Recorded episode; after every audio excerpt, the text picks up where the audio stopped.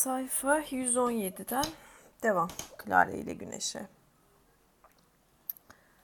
Ee, en son neredeydim? Ha, Rick ile küstüler. Okey. Bir sabah Josie'nin kahvaltı tepsisini aşağı indirdikten sonra yatak odasına döndüm ve Josie'yi yastıklarına dayanıp oturmuş eskisine benzer bir coşkuyla harıl harıl çizim yaparken buldum. Bu sefer yüzünde daha önce resim çizerken rastlamadığım ciddi bir ifade vardı. Konuşmaya çalıştığımda cevap vermedi. Bir keresinde odayı toplarken yatağın yanına gelince öndeki sayfanın herhangi bir kısmına gözüm ilişmesin diye duruşunu düzeltti. Bir süre sonra sayfayı yırttı, sımsıkı bir top haline getirdi ve yorganıyla duvar arasındaki bir gediye attı. Sonra gergin ve kocaman gözlerle yeni bir çizime başladı.'' Düğme kanepeye oturdum ama bu sefer Josie ne zaman isterse konuşmaya hazır olduğumu anlasın diye yüzüm ona dönüktü. Neredeyse bir saat kadar sonra grafit kalemini bıraktı ve bir süre resme baktı. Clara şu aşağıdaki soldaki çekmeceyi görüyor musun? Bana bir zarf çıkarır mısın şu büyük içi dolgulu olanlardan? Ben çekmecenin önünde çömelirken Josie'nin kaleminin ucunu tekrar açtığını gördüm ve elinin hareketlerinden artık çizim yapmadığını, yazı yazdığını anladım. Sonra resmi ortadan ikiye katladı. Çizimin bulaşmaması için araya boş bir sayfa koydu. Dolgulu zarfı elimden aldı ve resmi dikkatle içine yerleştirdi. Zarfın ince yapışkan şeridini çekip zarfı yapıştırdı ve yapıştığından emin olmak için kenarlarını bastırdı ne kadar şey detay detay böyle resmi aldı katladı sayfaya koydu zarfı aldı elinden resmen şey böyle kare kare şey gibi stop motion anlatır gibi resmen şey gibi şey gibi diye de ne kadar güzel konuşmuş olabilirim. Bu işin bittiğine memnun oldum dedi zarfı. Bu hareket onu rahatlatıyormuşçasına ellerinde çevirerek. Ama ben yataktan uzaklaşmaya başlayınca zarfı aniden bana doğru uzattı. Bunu zarfı bulduğun çekmeceye koyar mısın lütfen sol alttakine? Tabii. Zarfı Josie'den aldım ama hemen çekmeceye doğru gitmedim. Onun yerine elimde zarfla odanın ortasında durup ona baktım. Acaba bu resim Josie'den Rick'e özel bir armağan mı? Neden öyle söylüyorsun? Sadece bir tahmin. Eh tahminin doğru. Bunu Rick için yaptım. Bir dahaki gelişi için. Josie beni izlerken ses çıkarmadı ve acaba sadece benden istediği gibi zarfı çekmeceye koymam için mi sabırsızlanıyor? Yoksa Rick ve ziyaretleri hakkında daha fazla bir şeyler söylememi mi bekliyor emin olamadım. Sonunda şöyle söyledim. Belki yakında yine gelir. Belki gelir ama hiçbir belirti yok. Bence Rick resmi görünce mutlu olacaktır. Josie'nin onu özel bir özenle yaptığını anlayacaktır. Özel bir özen göstermedim. Öfkeli gözleri çakmak çakmak parladı. Sıkıldım ve yeni bir resim daha yaptım. İşte o kadar. Ama haklısın. Rick için yaptım. Sorun şu. Onu almak için buraya gelmesi gerekir. Ama artık gelmiyor. Bana uzun uzun bakmaya devam etti. Ben de odanın ortasında durmaya devam ettim. Josie dedim bir süre sonra. İstersen resmi ona ben götürebilirim. Josie'nin gözleri şaşkınlık ve heyecanla doldu. Yani resmi ona mı götüreceksin? Evine yani. Evet sadece komşu ev alt tarafı. Senin bunu ona götürmen çok da tuhaf olmaz herhalde. Başkalarının yağları hep onlar adına bazı işler yapıp duruyorlar değil mi? Gitmekten memnun olurum. Sanırım Rick'in evine giden doğru patikayı bulabilirim. Bunu bugün yapabilir misin öğle yemeğinden önce?'' Josie ne zaman isterse. İstersen şimdi götürebilirim. Hemen. Bu iyi bir fikir mi sence? Dolgulu zarfı hafifçe kaldırdım. Josie'nin resmini Rick'e götürmeyi çok isterim. Benim dışarısını keşfetmem bakımından iyi olur. Hem Rick bu özel resmi alırsa Josie'yi bağışlayabilir ve yine Josie'nin en iyi arkadaşı olabilir. Bağışlamak derken ne demek istiyorsun? Esas on, benim onu bağışlamam lazım. Bu çok saçma gerçekten Clara. Bu resmi ona şu anda götürmeni istediğimi sanmıyorum. Affedersin, benim hatam. Affetmek konusundaki kuralları henüz anlamıyorum. Öyle bile olsa resmi götürmem en iyi ol en iyisi olacaktır. Sanıyorum beğenecektir. Josie'nin öfkesi yüzünden silindi. Tamam, hadi o zaman al götür. Sonra ben dönünce yavaşça ekledi. Belki de haklısın. Galiba onun beni affetmesi gerekiyor. Resmi ona götüreyim ve onun ne yaptığını görelim. Tamam. Josie sonra gülümsedi. Eğer kaba davranırsa resmi yırt at tamam mı? Gülümsemesi neredeyse Morgan şelalesinden önceki gülümsemelerine benziyordu. O zaman ben de gülümsedim ve dedim ki umarım öyle bir şeye gerek kalmayacak. Şakacı bir tavırla kendini yastığına doğru geriye attı. Tamam git artık dinlenmem gerek. Ama dolgulu zarfı sıkı sıkı göğsüme bastırmış yatak odasından çıkarken Josie aniden dedi ki Hey Clara, evet burada hasta bir çocukla yaşamak çok sıkıcı olmalı öyle değil mi? Josie hala gülümsüyordu ama gülümsemesinin ardındaki korkuyu gördüm. Josie ile beraber olmak hiçbir zaman sıkıcı olmaz. O kadar zaman mağazada beni bekledin. Eminim şimdi keşke başka bir çocukla gitseydim diye düşünüyorsundur. Böyle bir şeyi asla istemedim. Benim arzum Josie'nin yası olmaktı ve bu arzum gerçek oldu. Evet ama hüzün dolu küçük bir gülme sesi çıkardı. Ama o buraya gelmeden önceydi. Sana her şeyin harika olacağını vaat etmiştim. Ben burada çok mutluyum. Josie'nin yası olmaktan başka dileğim yok. Eğer iyileşirsem seninle birlikte hep dışarı çıkarız. Şehre gidebiliriz, babamı görürüz. Belki o bizi başka şehirlere götürür. Bunlar gelecek için olasılıklar. Ama Josie'nin şunu bilmesi lazım. Bundan daha iyi bir yuvam olamazdı ya da Josie'den daha iyi bir çocuk. Beklediğime çok memnunum. Mağaza yöneticisi beklememe izin verdiği için. Josie bunun üstüne düşündü. Sonra tekrar gülümsediğinde tebessümü iyilik doluydu. Ardında hiç korku yoktu. Öyleyse arkadaşız değil mi? En yakın arkadaşlarız. Evet, tabii. Tamam, güzel. Öyleyse unutma. Rick saçma sapan davranırsa aldırış etme. O zaman ben de gülümsedim ve dolgulu zarfı yükseğe kaldırdım ki ona iyi bakacağımı anlasın.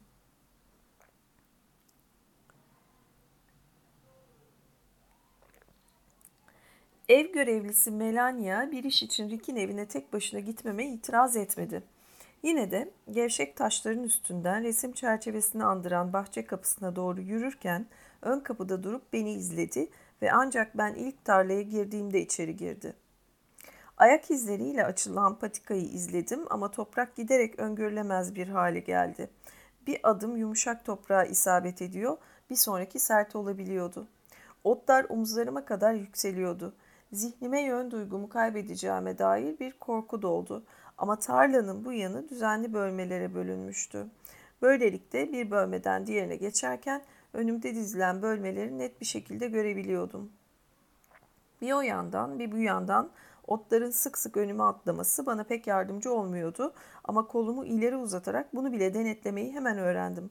Eğer iki kolum da boş olsaydı daha da hızlı ilerleme kaydedebilirdim ama tabii bir elimde Josie'nin zarfını tutuyordum ve ona zarar gelmesini göze alamazdım. Sonra çevremdeki uzun otlar bitti ve kendimi Rick'in evinin önünde buldum. Uzaktan bakarken bile Rick'in evinin Josie'ninki kadar yüksek kademede olmadığını zaten tahmin etmiştim.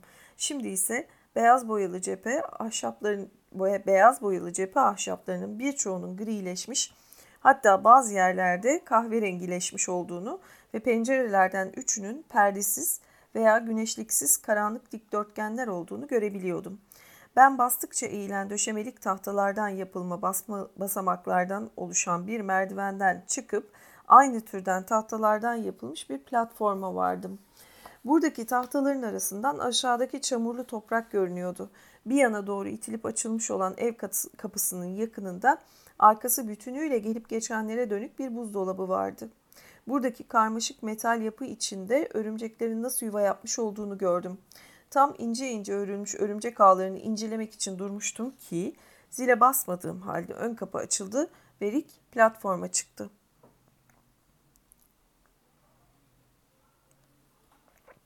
Affedersin dedi. Affedersin dedim çabucak. Mahremiyetini bozmak istememiştim. Önemli bir iş için geldim. Rick kızmış görünmedi ama hiçbir şey söylemedi ve beni izlemeye devam etti. Yağlar çoğu zaman önemli işleri kovalamaya gönderilirler dedim. Josie de bunu benimle yolladı. Zarfı kaldırdım. Rick'in yüzünde aniden bir heyecan belirdi sonra yine yok oldu. Geldiğin iyi oldu o zaman dedi. Belki yalnızca ona zarfı uzatıp sonra da geri dönmemi bekliyordu. Ama ben bu olasılığı hesaplamıştım ve zarfı ona vermek için hiçbir harekette bulunmadım.'' Rüzgar döşeme tahtalarının arasından eserken biz tahtaların üstünde birbirimize bakarak öylece durmaya devam ettik. Öyleyse dedi Rick sonunda herhalde içeri girsen iyi olacak. Uyarmış olayım burada öyle şıklık arama. Holün zemini koyu renk ahşaptı. İçinde kırık lambalar ve ayakkabı tekleri gibi nesnelerin bulunduğu kapağı açık bir sandığın yanından geçtik. Rick önüme düştü ve tarlalara bakan kocaman bir penceresi olan büyük bir odaya girdik. Mobilyalar modern değildi ve duvarsız alandakiler gibi birbirleriyle bağlantılı da değildi. Ağır ve koyu renk bir gardırop, solmuş desenleri olan halılar, değişik biçim ve boyutlarda yumuşak ve sert iskemleler vardı. Duvarlardaki pek çok küçük resimden bazıları fotoğraftı, diğerleri ise grafit kalemle çizilmişti. Burada da resim çerçevelerinin köşelerinde örümcekler yuva yapmıştı. Kitaplar, yuvarlak saatler, sehpalar vardı. Odanın içinde dolaşmanın kolay olmayacağını anladım. Dolayısıyla zeminin nispeten açık olduğu bir nokta seçtim. Oraya gidip sırtımı kocaman bir pencereye, sırtım kocaman bir pencereye dönük olarak durdum. Peki, biz burada yaşıyoruz işte, dedi annemle ben. İçeri girmeme izin vermen çok nazikçe. Geldiğini üst kattan izledim. Biraz sonra tekrar yukarı çıkmam gerekecek. Sadece gözlerini kullanarak tavanı işaret etti. Sonra hüzünlü bir şekilde şöyle dedi. Herhalde kokuyu fark etmişsindir. Koku alamıyorum. Ah affedersin farkında değildim. Koku almanın önemli bir beceri olduğunu düşünürdüm. Yani güvenlik için yanma falan gibi şeylerde. Belki de bu nedenle B3'lere sınırlı bir koku alma becerisi verilmiştir. Ama bende hiç yok. Şu an şanslısın çünkü burası hala kokuyor. Holly bugün temizlediğim halde, tekrar tekrar temizlediğim halde. Gözlerinde yaşlar belirdi ama bana bakmaya devam etti. Rick'in anne, Rick'in annesi iyi değil mi? Rick'in annesi iyi değil mi? Öyle denebilir. Josie'nin olduğu şekilde hasta değil ama. Sence bir sakıncası yoksa annemden söz etmeyeyim. Josie nasıl bugünlerde? Maalesef daha iyi değil. Daha mı kötü? Belki daha kötü de değil ama durumu çok ciddi olabilir. Ben de böyle düşünüyordum. Rick içini çekti ve kanepede yüzünü bana dönerek oturdu. Demek seni bana bir iş için yolladı. Evet, sana bunu vermemi istedi. Bunun üzerinde özellikle çok çalıştı. Zarfı kanepede otururken alabileceği şekilde uzattım ama biraz önce oturmuş olmasına rağmen ayağa kalktı ve zarfı alıp dikkatle açtı. Resme bir süre baktı, yüzünde gülümsemeye yakın bir ifade belirdi. Rick ve Josie sonsuza kadar dedi sonunda. Öyle mi yazıyor balonun içinde? Ah sen gördün sanmıştım. Josie bana göstermeden zarfa koydu.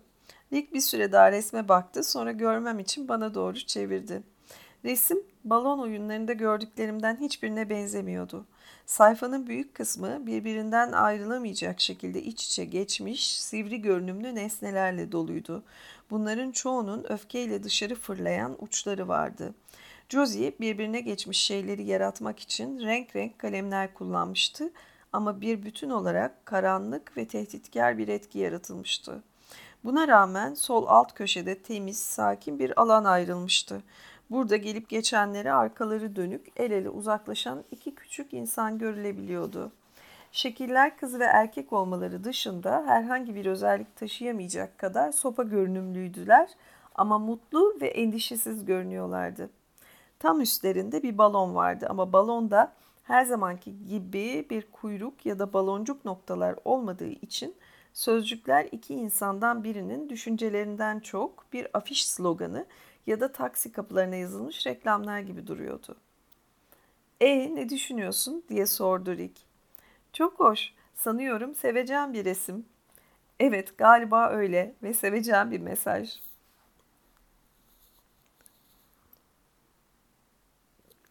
Aniden yukarıdan müzik sesi ve elektronik sesler gelmeye başladı. Ve Ricky yüzünde bir sıkıntı ifadesi belirdi. Elinde Josie'nin resmi odadan hızla çıktı. Anne diye bağırdı Holde. Anne Tanrı aşkına şunu kıs lütfen. Yukarıdan gelen bir ses bir şey söyledi. Sonra Rick daha yumuşak bir sesle seslendi. Bir dakikaya kadar geliyorum. Şimdi lütfen kıs şunu. Elektronik sesler hafifledi.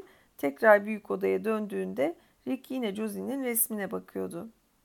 Evet, seveceğim bir resim. Josie'ye benim adıma teşekkür et. Sanıyorum Josie Rick'in bizzat gelip teşekkür edeceğini umuyordu. Rick'in gülümsemesi soldu. Ama bu o kadar basit değil öyle değil mi dedi. Sen hep orada durup her şeyi dinliyorsun. Bu yüzden sen de benim kadar iyi biliyorsun. Üstüme varıp duruyor. İnsanın bütün bunları kabullenmesi için hiçbir sebep yok. Fazla zorluyor. Sonra da hoş bir resimle her şeyin halledilebileceğini sanıyor.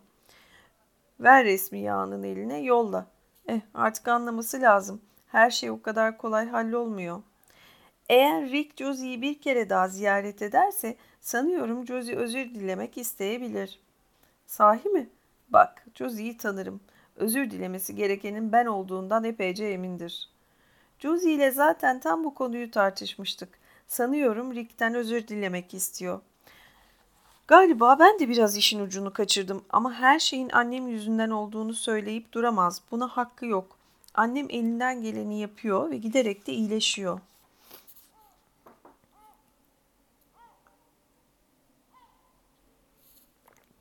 Kapıyı açıp platformda benimle yüz yüze gelen Rick, Josie'ye yaptığı ziyaretlerde ben yokmuşum gibi davranan Rick'e çok benziyor idiyse de şu anda Rick'in etkileşim toplantısında diğer çocuklar dışarı çıktıktan sonra konuştuğum Rick'e ne kadar yaklaştığını görmek çok ilginçti.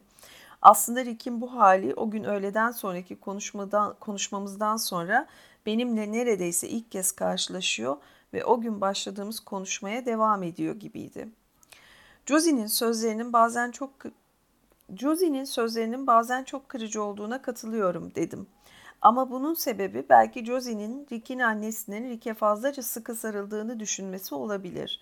Josie ile Rick'in planının ileride gerçekleşmesine izin veremeyecek kadar sıkı sıkı sarıldığını. Ama Josie neden hep annemi suçluyor? Buna hakkı yok. Josie plan için endişeleniyor. Sanıyorum Rick'in annesinin Rick'i bırakmak istemediğini, çünkü bunun sonucunun kendisi için yalnızlık olacağından korktuğunu düşünüyor. Bak sen, sen çok akıllı bir yağ olabilirsin ama bilmediğin çok şey var. Eğer her şeyi yalnızca Josie açısından dinleyecek olursan resmin bütününü hiçbir zaman kavrayamazsın. Ayrıca yalnızca annemle de ilgili değil. Artık Josie beni hep kapana kıstırmaya çalışıyor. Kapana mı kıstırmaya çalışıyor? Duymuşsundur. Bunu artık hep yapıyor. Ya beni o şeyleri fazlaca düşünmekle suçluyor ya da kendisini yeterince o gözle görmediğim için alınıyor. Ne desem beni kapana kıstırıyor. DSM'de gördüğüm kızları arzuladığımı iddia ediyor. Sonra onlardan bir kez daha söz ettiğinde ben tepki vermeyince bende bir bozukluk olduğunu, doğal davranmadığımı söylüyor. Çocukken birbirimizi fazla yakından tanıdığımızdan bu nedenle bütün bu cinsellik şeylerinin bizde tutmayabileceğinden söz edip duruyor. Ne demeye ya da yapmaya çalışsam yanlış oluyor ve böylece kapana kısılıyorum. Ayrıca bir de annemle ilgili habire konuşması aşırıya kaçıyor. Plan olsun olmasın haksızlık bu. Yine oturdu, güneşin desenleri üstüne düşüyordu. Josie'nin resmini kanepenin üstüne, yanında boş kalmış olan yere dikkatle yerleştirdi ve yüzü aşağıda kalacak şekilde koymuş olmasına rağmen resme uzun uzun bakmaya devam etti. Her neyse dedi sakince. Josie şu anda hasta. Eğer yakında iyileşmezse bunların hiçbiri planımız, planın hiçbir kısmı geçerli olmayacak ve bu gidişle ne düşüneceğini ne düşüneceğimi bilmiyorum bugünlerde. Başını kaldırıp bana baktı. Bak Clara, seni üstün zekalı biliyoruz. O zaman senin şeyin yani değerlendirmen nedir? Josie'nin hastalığı ne kadar ağır? Dediğim gibi Josie'nin hastalığının ciddi olduğunu düşünüyorum. O kadar güçsüz kalabilir ki tıpkı ablası gibi vefat etmek zorunda kalabilir. Bu mümkün. Ama yetişkinlerin henüz düşünmedikleri onu iyileştirecek bir yol olduğuna inanıyorum. Ayrıca inanıyorum ki durum acil ve daha fazla bekleyemeyiz. Kaba ve mahremiyeti ihlal ediyor görünse de belki de eyleme geçme zamanıdır. Bugün buraya tabii önemli işim için geldim ama aynı zamanda Rick'in bana bazı yararlı tavsiyeler vereceğini de umuyorum. Sen üstün zekalısın ve ben yükseltilmiş bile olmayan salak çocuğun tekiyim. Ama peki, istiyorsan sana tavsiye vermeye çalışırım. Sor bakalım. Tarlalardan geçip Mr. McBain'in ambarına gitmek istiyorum. Rick'in daha önce en azından bir kere oraya gitmiş olduğunu tahmin ediyorum. Josie bana anlatmıştı. Yani şuradaki ambarı mı diyorsun? Bir zamanlar epeyce küçükken bir kere gitmiştik. Josie hastalanmadan önce. O günden sonra ben başka zamanlarda da gittim oraya tek başıma. Olağanüstü bir şey değil. O tarafa doğru yürüyorsan gölgede oturabileceğin bir yer sadece. Orasının Josie'ye nasıl yarar dokunacak? Sana şu anda bu konuyu açmamalıyım. Belki bu kesin bir sırdır. Mr. McBain'in ambarına gitmekle bile işi tehlikeli noktalara götürüyor olabilirim. Ama artık bir denemem gerektiğine inanıyorum. Mr. McBain'le mi konuşmak istiyorsun? Josie'nin sağlığı hakkında mı? Onu orada rastlayabilmen uzak ihtimal. 7-8 kilometre uzaktaki esas arazisinde yaşıyor. Bugünlerde buraya hemen hemen hiç gelmez. Konuşmak istediğim Mr. McBain değildi. Ama lütfen açıklamamam, la açıklamamam lazım. Yoksa Josie'nin hala alma ihtimali olan yardımı riske atmış oluruz. Rick'ten tek istediğim bazı yararlı tavsiyeler. İkimiz birden kocaman pencereden dışarı bakacak konuma gelinceye kadar döndüm. Lütfen bana söyler misin beni buraya Rick'in evine getiren ayak izleriyle açılmış patikaya benzer bir patika otların arasında ambara kadar da var mıdır? Rick ayağa kalktı ve pencereye kadar yürüdü. Bir tür patika var. Hem hop Rick konuşuyormuştu. Rick ayağa kalktı ve pencereye kadar yürüdü. Bir tür patika var. Yürümesi bazı günler daha kolay, bazı günler daha zor olur. Sen de söyledin ya ayak izleriyle açılmış bir şey. Kimse açık tutmak için bir şey yapmıyor. Bazen o tarafa gittiğinde bakarsın her yeri ot bürümüş. Ama eğer yoluna engel çıkarsa ya da çamurdan geçemezsen genellikle başka bir yol bulabilirsin. Her zaman geçecek bir yol bulunur, kışın bile.'' Dick birden sanki gerçek anlamda ilk kez görüyormuş gibi beni baştan aşağı süzmeye başladı. Yağlar hakkında fazla bir bilgim yok. Bu yüzden senin için bunun ne kadar zor olacağını bilemem. İstersen seninle gelebilirim. Eğer sahiden de Josie'ye faydası olacaksa şu anda birbirimizle konuşmasak bile yardımcı olmaktan memnun olurum. Çok naziksin Rick ama sanıyorum tek başıma gitsem daha iyi olur. Dediğim gibi bir olasılık var ki Tanrım, Rick aniden döndü ve kapıya doğru yürüdü. Evin içinde hareket eden ayak seslerini ben zaten fark etmiştim. Ama bu sesler şimdi holdeydi. Sonra Miss Helen ama henüz adını bilmiyordum odaya girdi. Bakışları dört bir yanda dolaştı ama beni fark etmişe benzemiyordu. Omzuna ofis çalışanlarının ofis dışında giydikleri cinsten ince bir ceket almış, kollarını cekete henüz geçirmemişti pencere pervazının altındaki bir ahşap sandığa doğru büyük adımlarla ilerlerken ceket üstünden kaymasın diye tutmaya çalışıyordu. Nerede olabilir? Ne kadar aptalım? Sandığın kapağını açtı ve içindekileri gözden geçirmeye başladı. Anne ne arıyorsun? Rick'in sesi sıkıntılı çıkmıştı. Adeta annesi bir kuralı bozmuş gibi. Rick gelip yanımda durdu ve birlikte Miss Helen'ın sandığın üstüne eğilmesini seyrettik. Biliyorum, biliyorum dedi Miss Helen. Bir ziyaretçimiz var. Bir saniye sonra kendisiyle ilgileneceğim. İlgileneceğim. İlgileneceğim. Doğrulup yüzü bizimle aynı hizaya gelince elinde bir pabuç tuttuğunu gördük. Pabucun öbür teki karışmış ayakkabı bağlarına tutunmuş vaziyette ilkinin ucundan sarkıyordu. Artık doğrudan bana bakarak özür dilerim dedi. Hiç misafirperver davranmadım. Hoş geldin. Teşekkür ederim İnsan senin gibi bir misafire nasıl davranacağını bilemiyor. Mesela gerçekten misafir misin yoksa sana bir elektrik süpürgesiymişsin gözüyle mi bakmalıyım? Galiba biraz önce yaptığım tam da buydu affedersin. Anne dedi Rick alçak perdeden. Telaş etme şekerim. Yeni ziyaretçimizi kendi tarzımda tanımaya çalışayım. Sallanan pabuç kendi ağırlığının etkisiyle sandığın içine düştü. Elinde hala diğer pabucu tutmakta olan Miss Helen buna baka kaldı. Rick'in giderek daha da huzursuzlandığını görüyordum ve onlara mahremiyet tanımak için çıkıp gitmek istedim. Ama Miss Helen benimle konuşmaya başladı. Senin kim olduğunu biliyorum. Josie'nin küçük refakatçisisin. Ne büyük başarı gösterdin. Chrissy'den seni çok dinledim. Chrissy buraya çok sık gelir biliyor musun? Öyle değil mi Rick? Oturmaz mısın?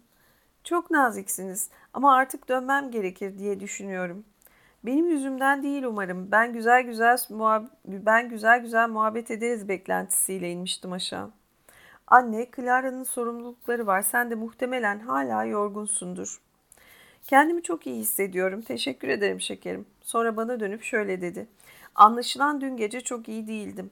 Şimdi Clara herhalde beni merak ediyorsundur. Krisis senin her şeyi merak ettiğini söyledi. Eğer bu doğruysa benim İngiliz olduğumu fark etmiş olmalısın. Aksanları ayırt etme donanımına sahip misin? Belki de benim içime kadar nüfuz, nüfuz edebiliyorsundur genetik özelliklerime kadar. Anne lütfen. Mağazaya İngiliz mağazaya İngilizler sık sık gelirdi dedim gülümseyerek. Bu yüzden bütün yağlar sizin konuşma tarzınıza aşina oldular. Hepimiz bu tarzı çok hoş bulduk ve mağaza yöneticisi yani bize bakan hanım bizi hep bu konuşma tarzından bir şeyler kapmaya teşvik etti. Düşünsene bir sürü robot hitabet dersi alıyor ama hoş. Anne, dersten söz etmişken, Clara adın Clara değil mi? Dersten söz etmişken bu ev halkında içten içe yeşermekte olan bir fikir var. Anne kesinlikle olmaz. Clara hiç ilgilenmiyor. Bırak konuşayım şekerim. İşte kendisi bizzat gelmiş. Bırak da fırsattan istifade edelim. Şekerim bak sana söyleyeyim. Sen bugünlerde bir tahakküm etme eğilimi göstermeye başladın. Çok sinir bozucu. Clara fikrimizi duymak ister misin? Tabii. Rick tiksinti içinde odadan çıkmak istercesine yürümeye koyuldu ama kapının önünde durdu. Bu nedenle benim bulunduğum yerden sadece sırtının bir kısmını ve dirseklerinin arkasını görebiliyordum. Ben bunun bir parçası olmayacağım diye seslendi. Sanki holde biri varmış da ona sesleniyormuş gibi. Miss Helen bana gülümsedi. Sonra daha önce Rick'in oturduğu kanepeye oturdu. Tek eliyle ince ceketini düzeltti. Diğer elinde hala ayakkabı tekini tutuyordu. Rick bir okula gidiyordu aslında. Yani gerçek eski tarz bir okula. Disiplinli bir yer değildi pek ama orada iyi arkadaşlar edinmişti. Öyle değil mi canım? Ben buna katılmayacağım. O zaman neden hala orada dolanıyorsun? Tuhaf görünüyorsun şekerim ya geriye çık.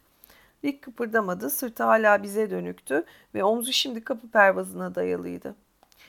Eh sözün özü Rick o okulu bırakıp bütün akıllı çocuklar gibi evde uzaktan eğitim almaya başladı. Ama o zaman belki zaten bildiğin gibi işler karışmaya başladı. Miss Helen aniden sessizleşti ve omzumun üstünden gerilere bakmaya başladı. Arkamdaki kocaman pencerenin ardında bir şeyler gördü sanıp tam dönmek üzereydim ki şöyle dedi. Orada bir şey yok Clara, sadece düşünüyordum. Bir olayı hatırlıyordum. Bazen böyle oluyorum. Rick sana anlatır. Ben öyle olunca birinin beni dürtmesi gerekiyor. Anne Tanrı aşkına. Nerede kalmıştık? Aa evet işte plana göre Rick diğer akıllı çocuklar gibi ekran öğretmenlerinden evde eğitim alacaktı. Ama belki zaten biliyorsundur işler karıştı ve işte bugün buradayız. Şekerim bundan sonrasını Clara'ya sen anlatmak ister misin? Hayır mı? Eh kısacası Rick hiçbir zaman yükseltilmediyse de onun için hala düzgün bir seçenek var. Atlas Brookings az sayıda yükseltilmemiş çocuğu öğrenci olarak kabul ediyor. Hala bunu yapan tek doğru dürüst üniversite bu kaldı. İlki olarak buna inanıyorlar şükürler olsun. Her yıl yalnızca birkaç çocuk alıyorlar. Onun için doğal olarak vahşi bir rekabet var. Ama Rick zekidir. Kendini verirse ve belki biraz da uzman desteği yani benim veremeyeceğim türden bir destek alırsa şansı var. Aa evet var şekerim. Başını sallayıp durma.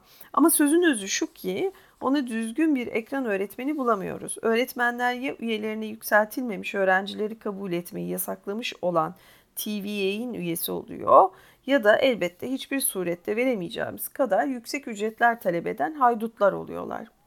Ama sonra yan komşuya senin geldiğini duyduk ve benim aklıma şahane bir fikir geldi. Anne bak son defa söylüyorum bu konuya devam etmiyoruz. Rick tekrar odaya girdi. Sanki annesini kucaklayıp götürecekmiş gibi uzun adımlarla annesine yaklaştı. Peki şekerim madem bu kadar zoruna gidiyor devam etmeyelim öyleyse. Rick artık kanepeye kadar gelmiş Miss Helen'a ateş saçan gözlerle bakıyordu. Miss Helen duruşunu hafifçe düzeltti. Böylece Rick'in arkasında dursam da bana bakmaya devam edebilecekti. Biraz önce Clara rüyadaymışım gibi göründüğümde rüya falan değildi aslında. Şuraya bakıyordum. Pabuçla arkamı işaret etti. Ve hatırlıyordum. İstersen dön bak. Orada şu anda hiçbir şey yok. Ama bir zamanlar bir süre önce ben oraya bakıyordum ve gerçekten de bir şey gördüm. Anne dedi Rick tekrar ama Miss Helen artık konuyu değiştirdiği için Rick'in sesindeki aciliyet kaybolmuştu. Rick hafifçe bana döndü ve bir adım geri gitti. Böylece artık annesinin beni görmesine engel olmuyordu. Güzel bir gündü diyordu Miss Helen. Öğleden sonra dört sıralarıydı. Rick'i çağırdım, geldi ve o da gördü. Değil mi canım? Yetişemedim diye iddia etse de. Herhangi bir şey olabilirdi dedi Rick. Herhangi bir şey. Gördüğüm Chrissy'ydi. Josie'nin annesi yani. Chrissy'yi otların arasından çıkan, çıkarken gördüm. Tam şurada. Birinin kolundan tutuyordu. Kendimi pek iyi ifade edemiyorum. Demek istediğim şu. Bu diğer kişi sanki çak, kaçmaya çalışıyordu da Chrissy onu kovalamıştı ve yakalamıştı ama tam da durduramamıştı. Böylece her ikisi de deyim yerindeyse yere yuvarlanmışlardı. Lamp dilim dönmemeye başladı. O yüzden burada bırakıyorum Chrissy'yi gördüğü o rüya gibi dediği ve hatırladığı yerde. Şimdilik nokta olsun.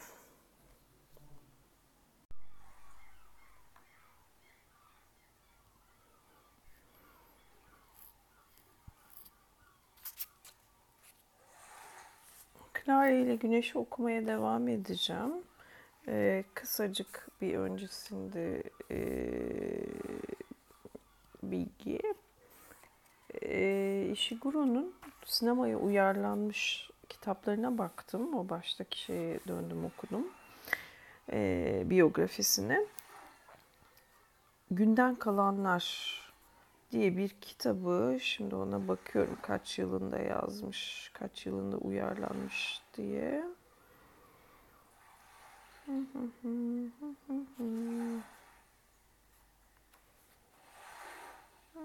Günden Kalanlar buldum. Üçüncü romanıymış Günden Kalanlar. 1989'da yayınlanmış. E, Booker ödülünü kazanmış. 1993'te de James Ivory tarafından sinemaya uyarlanmış. E, filmi buldum e, Stremio'da. Anthony Hopkins, Emma Thompson başrollerde. Zaten Anthony Hopkins hocam, canım benim. E, çok şaşırdım. Ben Ishiguro'nun çoğunlukla fütüristik e, şeyler yazdığını niyeyse öyle zannediyordum şeyden beni asla bırakma ve şimdi de bu Clara ile Güneş ikisinden dolayı böyle genetik, bilim vesaire bunlarla ilgili bir şeyler yazıyor zannediyordum sadece. Bu şeye çok şaşırdım günden kalanlara. Çünkü bayağı politik. İkinci Dünya Savaşı, Hitler dönemi, işte bir lordun malikanesinde Anthony Hopkins Kahya o Kahya'nın aşk e, hikayesi kendi karakteri o işine bağlılığı Lord'un Almanlarla işbirliği sonucunda İngiltere'nin işte savaşa girmesi gibi gibi konular çok şaşırdım hiç beklemiyordum. Ben çok bayılmadım filme ama Anthony Hopkins şuradan şuraya yürüse oturur seyrederim. O kadar, o kadar başarılı ki adamın oyunculuğu bir minicik gülümsemeyle adam 500 tane duygu anlatıyor. Ee, dönüyorum. Şimdi nerede kalmıştım bulayım. Ee, heh, annesi, Rick'in annesi. Hmm. Susturmaya çalışıyordu annesini. Ha bir olayı hatırlıyorum. Ha şey gördüm. Okey, Chrissy'yi gördüm dedi. Biraz önce Clara rüyadaymışım gibi göründüğümde rüya falan değildi aslında. Şuraya bakıyordum. Pabuçlu arkamı işaret etti ve hatırlıyordum. İstersen dön bak. Orada şu anda hiçbir şey yok. Ama bir zamanlar bir süre önce ben oraya bakıyordum ve gerçekten de bir şey gördüm. Anne dedi Rick tekrar ama Miss Helen artık konuyu değiştirdiği için Rick'in sesindeki aciliyet kaybolmuştu. Rick hafifçe bana döndü ve bir adım geri gitti. Böylece artık annesinin beni görmesine engel olmuyordu. Güzel bir gündü diyordu Miss Helen. Öğleden sonra dört sıralarıydı. Rick'i çağırdım, geldi ve o da gördü. Değil mi canım? Yetişemedim diye iddia etse de. Herhangi bir şey olabilirdi dedi Rick. Herhangi bir şey. Gördüğüm Chrissy'ydi. Josie'nin annesi yani. Chrissy'yi otların arasından çıkarken gördüm. Tam şurada birinin kolundan tutuyordu. Kendimi pek iyi ifade edemiyorum. Demek istediğim şu. Bu diğer kişi sanki kaçmaya çalışıyordu da Chrissy onu kovalamıştı ve yakalamıştı ama tam da durduramamıştı. Böylece her ikisi de deyim yerindeyse yere yuvarlanmışlardı. Tam şuraya, otlardan bizim toprağa. Annem muhtemelen o gün her şeyi net bir şekilde görebilecek kadar iyi değildi. Son derece mükemmel görebilecek durumdaydım. Rick bu hikayeyi sevmiyor ve dolayısıyla bir sürü şey ima etmeye çalışıyor. Şunu mu demek istiyorsunuz diye sordum. Josie'nin annesinin otların arasından bir çocukla çıktığını mı gördünüz? Josie değil başka bir çocukla. Chrissy bu kişiyi tutmaya çalışıyordu ve sonra zorla bir ölçüde kontrolü sağladı. Tam şurada Chrissy iki kolunu bir kıza dolamıştı. Rick bu kısmı görmeye yetişti. Sonra ikisi de tekrar otların arasında kayboldu. Herhangi biri olabilirdi. Artık daha rahatlamış görünen Rick annesinin yanına oturdu. O da benim arkamdaki pencerenin ardına bakmaya başladı. Tamam, onlardan biri Josie'nin annesiydi. Onu kabul ediyorum ama diğeri Diğeri Sel'e benziyordu, dedi Miss Helen, Josie'nin ablasına. Rick'i bu yüzden çağırdım. Sel'in öldüğü söylenen tarihin üstünden iki yıldan fazla zaman geçmişti. Rick güldü ve kolunu annesinin omzuna dolayarak onu şefkatle sıkıp ince ceketini düzeltti.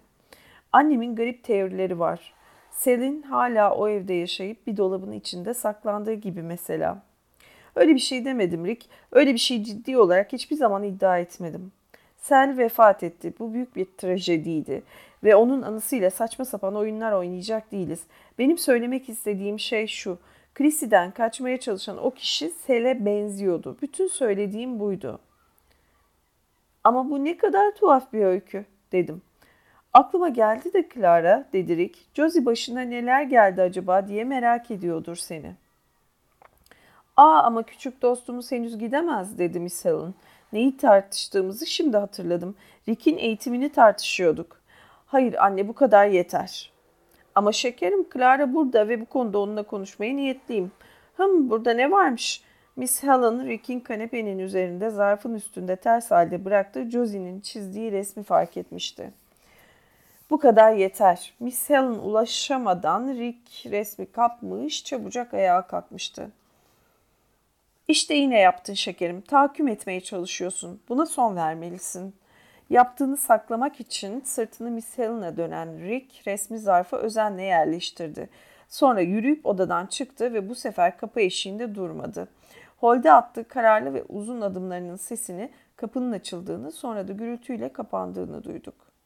Biraz hava ona iyi gelecektir dedi Miss Helen. Eve tıkılıp kalıyor. Artık Josie'yi bile ziyarete gitmez oldu.'' Miss yine beni aşmış, arkamdaki kocaman pencereden dışarı bakıyordu.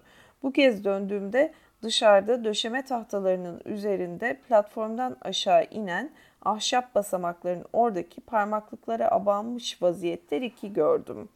Güneşin desenleri üzerine düşmüş tarlalara doğru bakıyordu. Rüzgar saçlarını dağıtıyordu ama Rick hiç kıpırdamadan duruyordu. Miss Helen kanepeden kalktı ve bana doğru birkaç adım attı. İkimiz birlikte yan yana pencerenin önünde durduk. Anneden 5 santim daha uzundu ama ayakta durduğunda anne gibi dimdik durmuyor. Rüzgar dışarıdaki uzun otlara doğru estiğinde onlara nasıl hafif bir eğim veriyorsa o da yumuşak bir şekilde öne doğru eğiliyordu. O sırada Miss Helen hiçbir şekilde bölmelere ayrılmış değildi ve pencereden gelen ışıkta çenesinin altındaki minik beyaz tüyleri görebiliyordum. Kendimi doğru dürüst tanıtmadım dedi. Lütfen bana Helen de. Sana çok kaba davrandım. Hiç de değil. Çok naziksiniz. Ama benim gelişim korkarım bir sürtüşmeye yol açmış olabilir. Ha ama sürtüşme her zaman vardır. Aklıma gelmişken sen sormadan ben söyleyeyim.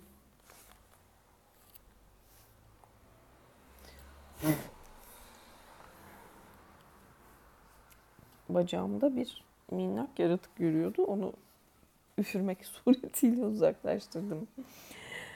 Ama sen sormadan ben söyleyeyim. Cevap evet. İngiltere'yi gerçekten özlüyorum. Özellikle çalı çitleri. Çalı çitler. İngiltere'de en azından benim doğduğum yerlerde nereye baksan yeşil görürsün. Ve bunlar her zaman çalılardan yapılmış çitlerle ayrılır. Her yerde çalı çitler. Çok düzenli. Şimdi dışarı bak. Dümdüz devam ediyor. Herhalde ortalarda bir yerlerde çitler vardır ama belli mi olur? Suskunlaştı. Onun için ben dedim ki sanıyorum gerçekten de çitler var. Aslında burası üç farklı tarla. Aralarında da onları bölen çitler var. Bir çiti bir anda yerle bir edebilirsin dedi. Sonra da başka bir yerde bir yenisini kurarsın. Birkaç günde toprağın bütün düzenini değiştirebilirsin. Tahta çitlerle çevrilmiş toprak o kadar geçicidir ki her şeyi bir tiyatro dekorunu değiştirir gibi kolayca değiştirirsin. Ben bir zamanlar oyuncuydum biliyor musun? Bazen düzgün tiyatrolarda da oynardım, berbat tiyatrolarda da. Çitler nedir ki? Dekor. İngiltere'de hoş olan şey bu. Çalılıktan yapılma çitler insana doğru dürüst toprağa kök salmış bir tarih duygusu verir. Ben oyuncuyken sözlerimi hiç unutmazdım. Diğer oyuncular hep unutur dururlardı. Genelde pek başarılı değillerdi. Ama ben hiç unutmazdım. Tek bir satırı bile. Bütün bu yıllar boyunca Chrissy'ye gördüklerim hakkında soru sormayı çok düşündüm. Zaman zaman beni ziyarete gelir ve her zaman güzelce muhabbet ederiz. Çok zaman ona soru sormayı ona sormayı düşündüm ama sonra kendimi tuttum. Yok, sormasam daha iyi diye düşündüm. Zaten bana ne? Galiba Rick'in annesi biraz önce Rick'in eğitimini tartışmak istiyordu. Lütfen bana Helen de. Evet öyle. Gördüğün gibi Rick konuyu açmaya bile istekli değil. Yani senin yardımını isteme konusunu. Herhalde bunu önce Chrissy'ye sormalıyım ya da hatta Josie'ye. Hiçbir fikrim yok. Öyle belirsiz ki şu görgü kuralları. İnsan birinden elektrik süpürgesini ödünç alacak olsa ama bu iş öyle değil. Biliyorum. Beni affet ne kadar kabayım. Rick'in ihtiyacı olan tek şey biraz rehberlik. Ona en iyi ders kitaplarını satın aldım. Çocukların yükseltilmesinden önceki dönemden kalma kitaplar ve tam Rick'e göre. Ama hepsi de bir tür özel öğretmenin bir kenarda durduğunu varsayıyorlar. Rick gerçek bir yeteneğe sahip. Özellikle de fizik, mühendislik gibi şeylerde. Ama sonra anlamadığı bir şeyle karşılaşıyor. Açıklayacak kimse yok ve işte orada cesareti kırılıyor. Ona Josie'ye sormasını söylüyordum eskiden ama tabii öyle deyince kızıyor. O zaman Miss Helen benim Rick'e ders kitapları konusunda yardımcı olmamı istiyor. Sadece bir fikir. O ders kitapları senin için çocuk oyuncağı olmalı. Yalnızca Rick'in şu sınavlardan geçmesi için anlıyor musun? Atlas Brookkings'e, ay bunu da bir türlü okuyamadım. Atlas Brookkings'e mutlaka girmesi lazım. Tek şansı o. Uzun vadeli bir şey istemiyorum. Herhalde aslında önce Chrissy'ye sormalıyım. Rick Atlas Brookings Üniversitesi'ne girerse iyi olur. Bu durumda evet Rick'e yardımcı olmayı çok isterim. Tabi Josie'ye bakmamı engellemediği sürece. Belki Rick ziyaretlerine devam ederse kitaplarını da yanında getirebilir. Cevabım Miss Helen'ı tatmin etmediğini görebiliyordu. Cevabımın Miss Helen'ı ta- tatmin etmediğini görebiliyordum. Dışarıdaki tahta platformun üstünde duran Rick'e bakmaya devam etti. Rick yerinden hiç kıpırdamamıştı ve sonra şöyle dedi. Dürüst olmak gerekirse asıl konu bu değil. Evet, bir öğretmenin yol göstermesinin faydası olur. Ama esas engel şu. Allah. O da karanlık. Işığın altındayım galiba bu böcek musallat oldu. Küçük yaratık. Ay git. Işık açacağım belki. Arkadaş başka ışığa gider. Tek ışık olunca sevdi tabi. Bir de yüzüme de yüzmek olmak. Seni mendeburüsüz. Efendim neymiş de asıl mesele şuydu dedi. Hmm. Ama asıl esas engel şu. Şu anda içinde bulunduğumuz şu durumda Rick çaba göstermek istemiyor. Eğer bütün gücünü ortaya koyarsa biliyorum ki şansı var. Özellikle de ona yardım edecek gizli bir silahımda olduğuna göre. Madem Atlas Brookings'ten bahsediyoruz, ona fazladan bir destek de lazım. Ama çaba sarf etmemekte diretiyor yani doğru dürüst bir çaba. Benim yüzümden denemeye yanaşmıyor. Sizin yüzünüzden mi? Buradan gidip beni yalnız bırakamayacağına kendini inandırmış. Tabii ben mükemmel bir şekilde idare edebilirim. Ama ben çaresizmişim. Onun yokluğunda başıma her türden belaya sokabilirmişim gibi davranmak hoşuna gidiyor. Atlas Brookings Üniversitesi uzak mı? Araba ile bir gün sürer ama konumuz mesafe değil. Beni bir saatten fazla kendi başıma bırakamayacağına inandırmış kendini. Her evden çıkışında beni bir saatten fazla yalnız bırakamayacaksa nasıl olacak da büyüyüp dünyaya açılacak? Rick dışarıda tahtaların üstünden otlara doğru inmeye başlamıştı.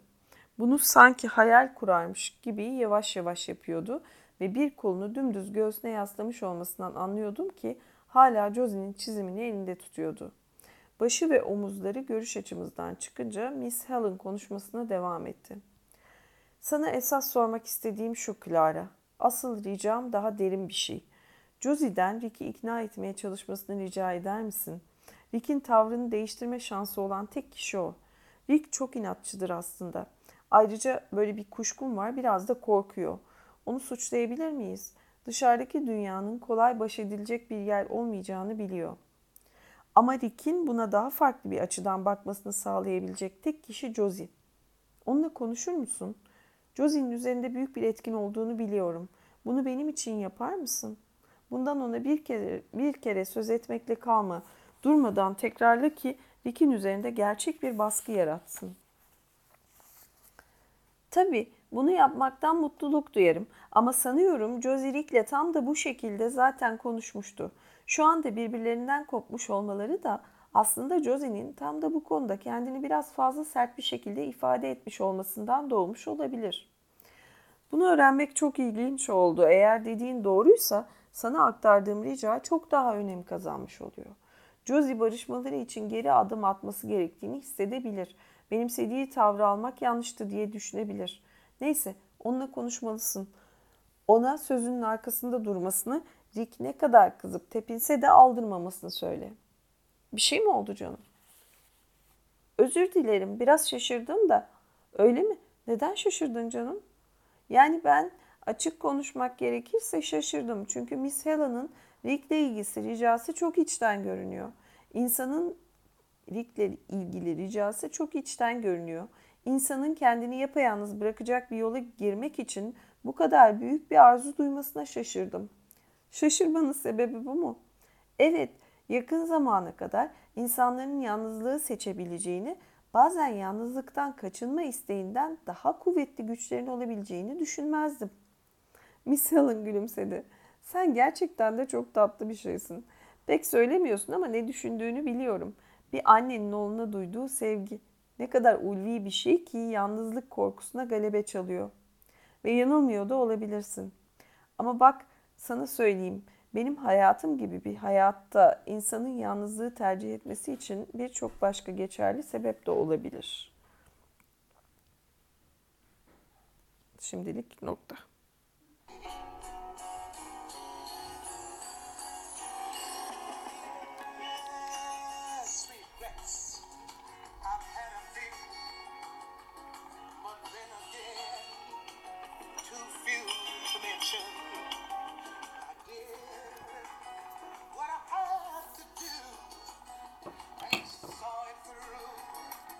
Kahveni koyarken biraz müzikle başlayalım bakalım. Yani fonda çalıyordu gerçi. Şimdi kısacağım okumaya başlayınca.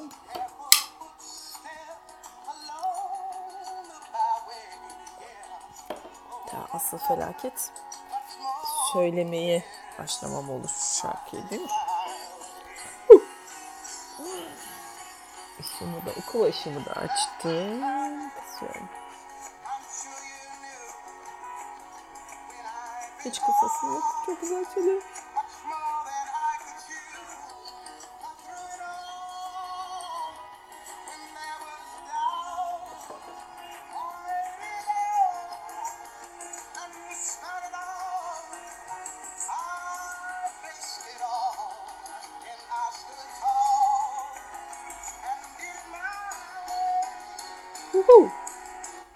Hop hop hop.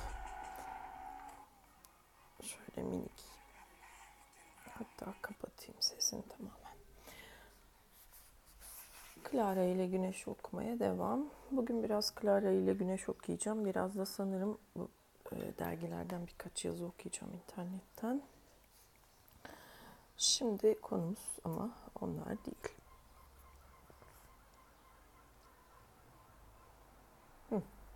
Miss Helen'la konuşuyordu Josie.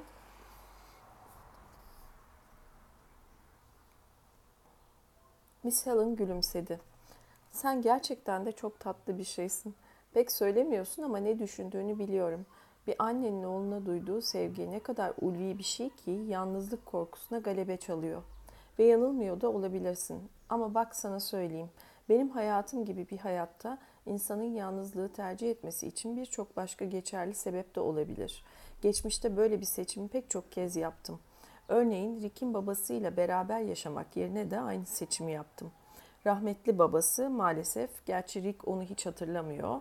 Rick'in babası yine de bir süre benim kocam oldu. Çok yararsız oldu da denemez. Tam anlamıyla şaşalı bir hayat yaşıyor olmasak da bu şekilde geçinebiliyor olmamız onun sayesindedir. Rick geri geliyor işte. Aa yok gelmiyor. Dışarıda kalıp biraz daha somurtmak istiyor. Gerçekten de Rick tahta basamaklardan çıkmış eve doğru bakmış ama sonra yine sırtını bize dönerek en üst basamağa oturmuştu. Josie'ye dönmeliyim dedim o zaman. Miss Helen bana içini açmakla büyük nezaket gösterdi. İstediğinizi yapacağım ve Josie ile konuşacağım. Onunla defalarca konuş. Bu Rick'in tek şansı. Dediğim gibi gizli bir silahım var. Bir tanıdık.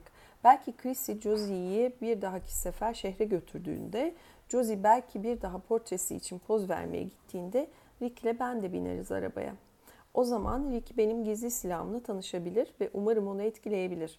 Chrissy ile bu konuyu zaten konuştuk. Ama Rick tavrını değiştiremedik, değiştirmedikçe bütün bunların hiçbir yararı yok. Anlıyorum. O zaman hoşça kalın. Artık gitmeliyim. Platforma adımımı atınca rüzgarın döşeme tahtalarının arasından eskisinden daha kuvvetli estiğini hissettim. Tarlalar artık bölmelere ayrılmış değildi. Bu yüzden ta ufka kadar tek ve net bir manzara görebiliyordum. Açılar değişmişti ama Mr. McBain'in ambarı Josie'nin arka penceresinden göründüğünden biraz farklı bir şekilde görünse de bulunduğunu tahmin ettiğim yerdeydi. Örümcekli buzdolabının yanından geçtim ve Rick'in oturduğu en üst tahta basamağa vardım. Bana hala kızgın olabileceğini ve beni görmezden gelebileceğini düşündüm ama başını kaldırıp sevecen gözlerle bana baktı. Ziyaretim sürtüşmeye sebep olduysa özür dilerim dedim. Senin kabahatin sayılmaz. Çoğu zaman böyle sonuçlanıyor. Her ikimiz de önümüzde uzanan tarlalara baktık ve bir an sonra fark ettim ki onun bakışları da benimkiler gibi Mr. McBain'in ambarının üzerinde. Annem gelmeden önce bir şey söylüyordun dedi. Bir sebeple şu ambara gitmek istediğinden söz ediyordun. Evet ve gideceğim ve evet ve gideceğim zaman akşam saati olmalı. Böyle bir ziyaretin zamanını tam olarak ayarlamak çok önemli. Benim de seninle gelmemi istemediğinden emin misin? Rick çok nazik ama Mr. McBain'in ambarına giden patikalar varsa eğer ben tek başıma gitsem daha iyi olur. Hiçbir şeyi hafife almamam çok önemli. Peki madem öyle diyorsun, kısmen güneşin desenlerinin yüzünde olmasından ama aynı zamanda da fark ettiğime göre bir kere daha beni dikkatle incelediğinden ve belki de böyle bir yolculuğu yapacak beceriye sahip olup olmadığımı değerlendirmekte olduğundan gözlerini kısmış beni süzüyordu. Bak dedi en sonunda. Ne yapmak istediğini aslında pek anlamıyorum. Ama eğer Josie'nin iyileşmesine yardımcı olacaksa eh o zaman iyi şanslar.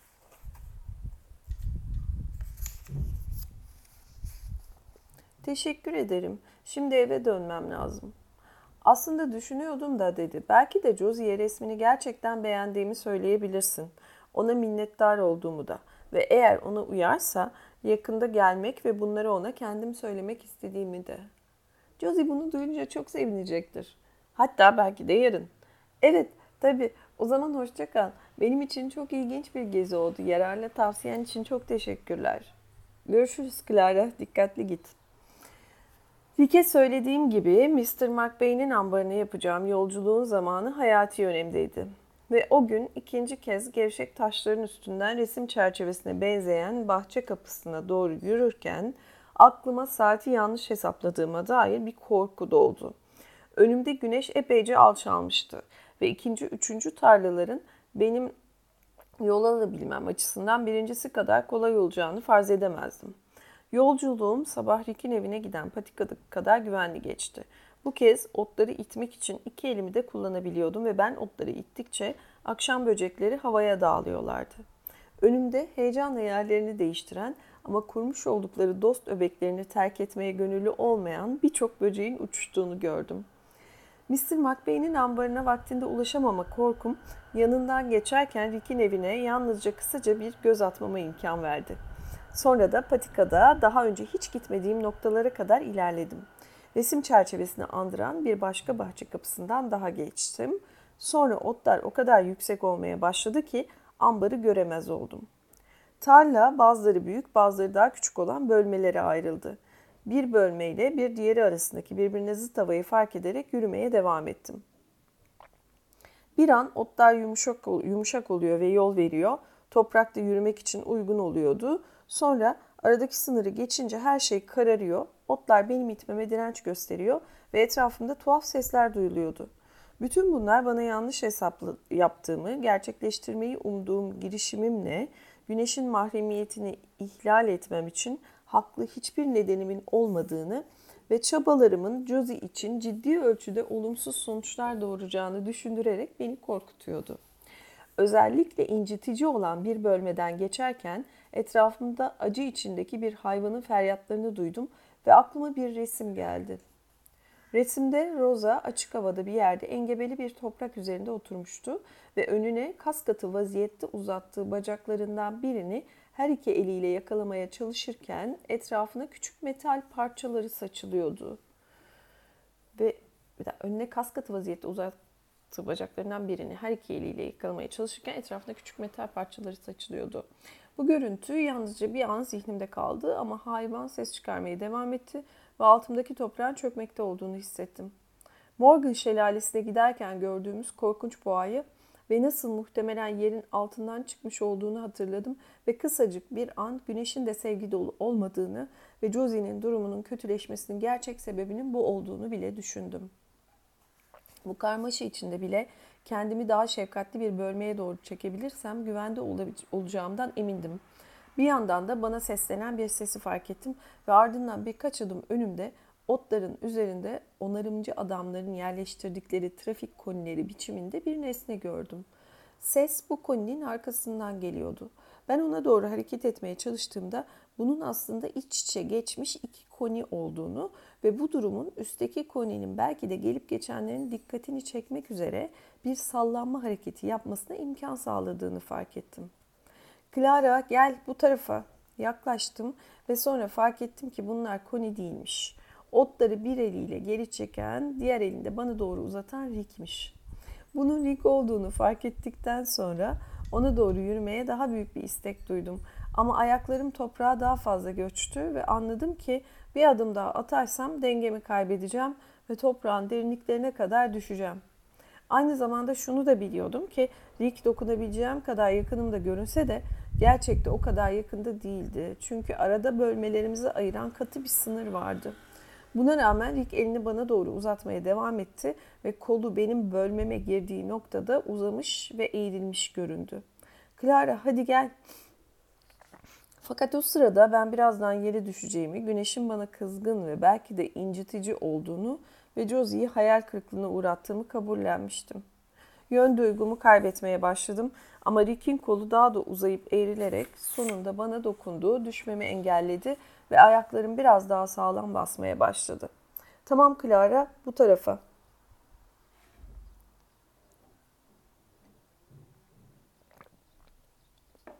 Rick bana yol gösteriyor. Neredeyse beni taşıyarak götürüyordu. Derken sevecen bir bölmenin içine girdim. Güneşin cömert deseni üstüme düştü ve düşüncelerim tekrardan düzene girdi. Sevecen bölme. teşekkür ederim. Yardıma geldiğin için teşekkür ederim. Seni penceremden gördüm. İyi misin? Evet, her şey tekrardan düzeldi. Tarla tahmin ettiğimden çok sorun çıkardı. Sanıyorum bu küçük hendekler insanı şaşırtabiliyor. Ne yalan söyleyeyim yukarıdan bakınca pencere camında vızıldayarak körlemesine dolaşan şu sineklere benziyordun. Ama bu dediğim kırıcı oldu. Özür dilerim. Gülümsedim ve dedim ki kendimi öyle aptal hissediyorum ki. Sonra hatırlayıp yukarı bakarak güneşin konumunu kontrol ettim. Bu yolculuk o kadar önemli ki dedim tekrar Rick'e bakarak. Ama yanlış tahminde bulunmuşum ve şimdi oraya vaktinde varamayacağım. Otlar hala Mr. McBain'in uzaktaki ambarını görmemizi engelleyecek kadar yüksekti.